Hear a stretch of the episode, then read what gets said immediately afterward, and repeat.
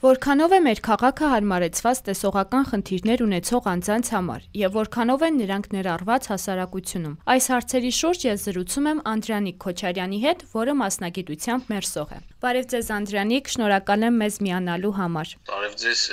շնորհակալ եմ հրավերի համար։ Շատ շնորհակալ եմ։ Անդրանիկ, դուք աշխատում եք որպես մերսող։ Ինչպես գտաք այդ աշխատանքը եւ կար որոշ նախապաշարմունք։ Տեսեք, ես այս աշխատանքը գտա բավականին ուշ, արդեն ունեի առաջի մասնագիտությունը, սովորել էի, բայց ընտանիք կազմելուց հետո դժվարություններ կար աշխատանք գտնելու հարցում առաջի մասնագիտությամբ եւ փնտրում էի աշխատանք։ Տենց փնտրելով իմ ընկերներիցս մեկը ասեց, որ կա այսպիսի ծրագիր, որ ոնց որ սովորեցնում են մերսում, ինչ որ սրահում այնուհետ ընդունում են աշխատանքի։ Ես դե ինչպես աշխատանք փնտրող անձ չէի կարող անտարբեր անցնել այդ առաջարկի հանդեպ, հա, ու ընդունեցի այդ առաջարկը, գնացի, ընդունվեցի, սովորեցի ու այդպես անսպասելի անկեղծ ասած իմ համար դարձա մերսող, որովհետև նախապես երբեք չէի մտածի, որ մերսող կլինեմ, որովհետև դպրոցական տարիներին էլ մեր դպրոցում տեսողության խանգարումներ ունեցող համար 14 հատուկ դպրոցում սովորեցնում էին մերսում, խմբակ կար այդպեսի, բայց ես խուսափում էի, բայց հետաքրքիր, ոչ թե խուսափում էի, այլ չէի էլ գնում, բայց հետաքրքիր որ կյանքը այնպես դասավորեց, որ հիմա հենց դրանով զբաղվում եմ։ Այդպես ստացվեց։ Ձեր կարծիքով այսօր Հայաստանում հաշմանդամություն ունեցող անձանց համար աշխատանք փնտրելիս որոնք են հիմնական մարտահրավերները։ Առաջին մարտահրավերը իմ կարծիքով գործատուի գիտեք որ վերաբերմունքն է այն վերաբերմունքն է որ ինքը մի հատ չի ստուգում ինչքանով ֆիզիկական խնդիր ունեցող անձը իրավորակները հա օրինակ եթե ես մտնում եմ ինչ-որ տեղ հարցազրույցի միանգամից կարող է որ իրենք միանգամից որ նկատում են որ կա տեսողության խնդիր իրենց արդեն չի հետաքրքրում քո մասնագիտական որակները այսինքն չի հետաքրքրում դու ոնց կանես այն գործը որ իրանք առաջարկում են դա չի հետաքրքրում էլի առաջինը դա է իմ կարծիքով ամենաբարդ խնդիրը այսօր հաշվանդամություն ունեցող անձանց համար դա է, որ միանգամից կարծիք են կազմում խնդիր ունեցող մարդու հնարավորությունների մասին, այնինչ իրանք չգիտեն ինչ կարող է անել այդ մարդը կամ ինչ չի կարող անել այդ մարդը։ Այդպես Ստացվում է, որ մասնագիտության բերումով շատ եք տեղաշարժվում։ Որքանով է մեր քաղաքը հարմարեցված այն մարդկանց համար, որոնք ունեն տեսողության հետ կապված խնդիրներ բացարձակ հարմարեցված չի մեր քաղաքը տեսողության խնդիրներ ունեցող անձանց համար։ Մի քանի տեղ կան ուռուցիկ այդ մայթերին, եզրերին մի քանի փողոցում կան, կենտրոնում այնտեղ Թումանյանի վրա Տիգրանյանի վրա կոմիտասպա մի քանի տեղ կա այդ ուռուցիկ նշանները որ կույրը զգավոր հասավ ճանապարհին երթևեկելի հատվածին այդքանով այնտեղ ոչ տրանսպորտն է հարմարեցված ոչ մի տրանսպորտ հարմար չի ոչ մի տրանսպորտ ձայնային չունի ոչ մի ձայնային ասենք որ ասի որ համարի տրանսպորտը եկավ կամ որ կանգար հասանք այդպիսի բաներ չկա ընդհանրապես մեր քաղաքում ցավոք սրտի Նշեցիք, որ չկան, հա, հարմարություններ։ Այդ դեպքում ինչպես եք տեղաշարժվում, ինչպես են տեղաշարժվում տեսողության հետ կապված խնդիրներ ունեցողները։ Ես քանի որ շատ քիչ տեսնում եմ, մոտենում եմ տրանսպորտին, շատ մոտիկ, որպեսի տեսնեմ, թե ինչ թիվա գրած ու հասկանամ, որ համարն է կամ հեռախոսի օգնությամբ zoom եմ անում, հա, zoom եմ անում, որպեսզի հասկանամ, որ որ համարն է եթե չեմ մոտենում զում եմ անում հերախոսով ես ասենք ոնց որ ելքերը գտել եմ իմ համար չտեսնող մարդիկ մի քանի հոգի են մեկ շատ եզակի մարդիկ են ովքեր երթևեկում են գնում գալիս են տրանսպորտով իրանք էլ կողքինին հարցնելով կամ ձայնով կամ վարորդին հարցնելով որ համարն է այդպես մի ձև ոնց որ մի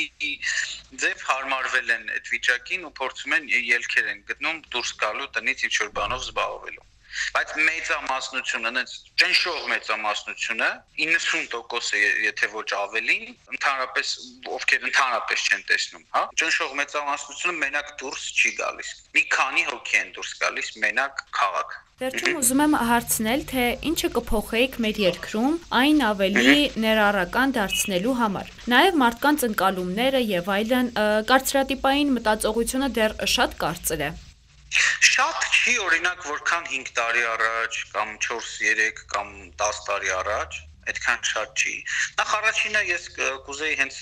հաշմանդամություն ունեցող անձինք իրանց հանդեպ վերաբերմունքը փոխեին, իրանք իրենց հարգեին, իրենց իրավունքները պաշտպանեին, իրենց կռիվը տային, հա,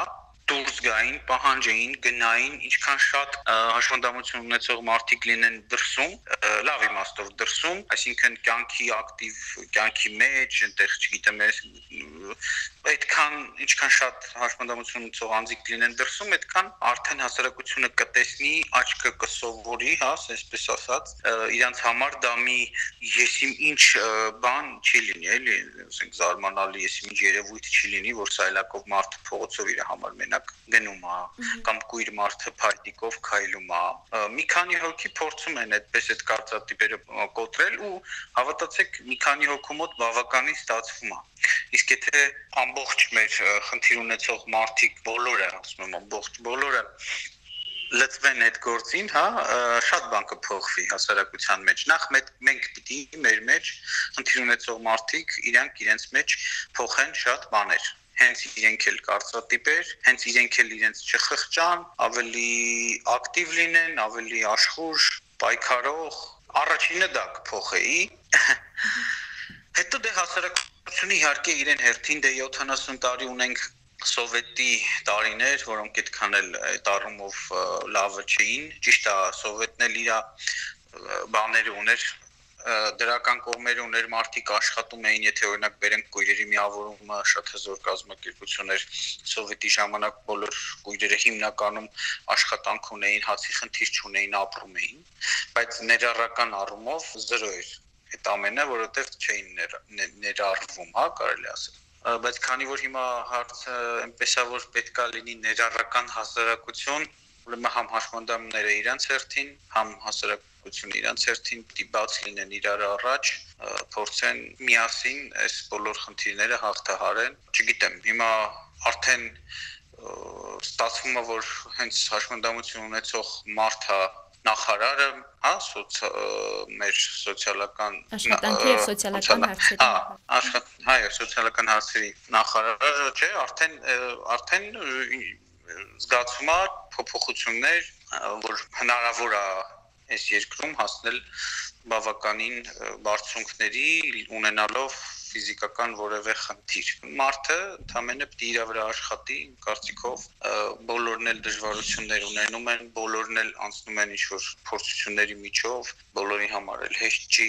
Ես էլ ինքս էլ որպես մերսող շատ դժվարություններ եմ ունեցել, բայց եթե ինչ-որ դժվարությամբ պիտի բախվես ու կանգ առնես առաջ չգնաս, այդ արդեն ստացվում է, որ ոչ մեկ մեղավոր չի, ոչ հասարակությունը, ոչ պետությունը,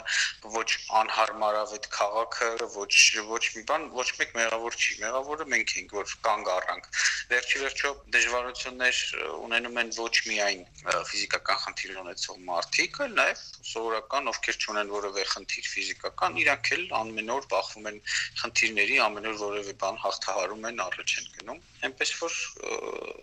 կարծում եմ ու ցանկանում եմ մաղթել, որ մեր ֆիզիկական խնդիր ունեցող անձինք, ովքեր հուսալքված են, մի հատ թափվեն, իրենց վերանայեն ու առաջ գնան, առանց շարժվեն, այդպես։ Անդրանիկ, շնորհակալ եմ շատ հետաքրքիր զրույցի համար։ Հիշեցնեմ, ես զրուցում էի մասնագիտությամբ մերսող Անդրանիկ Քոչարյանի հետ։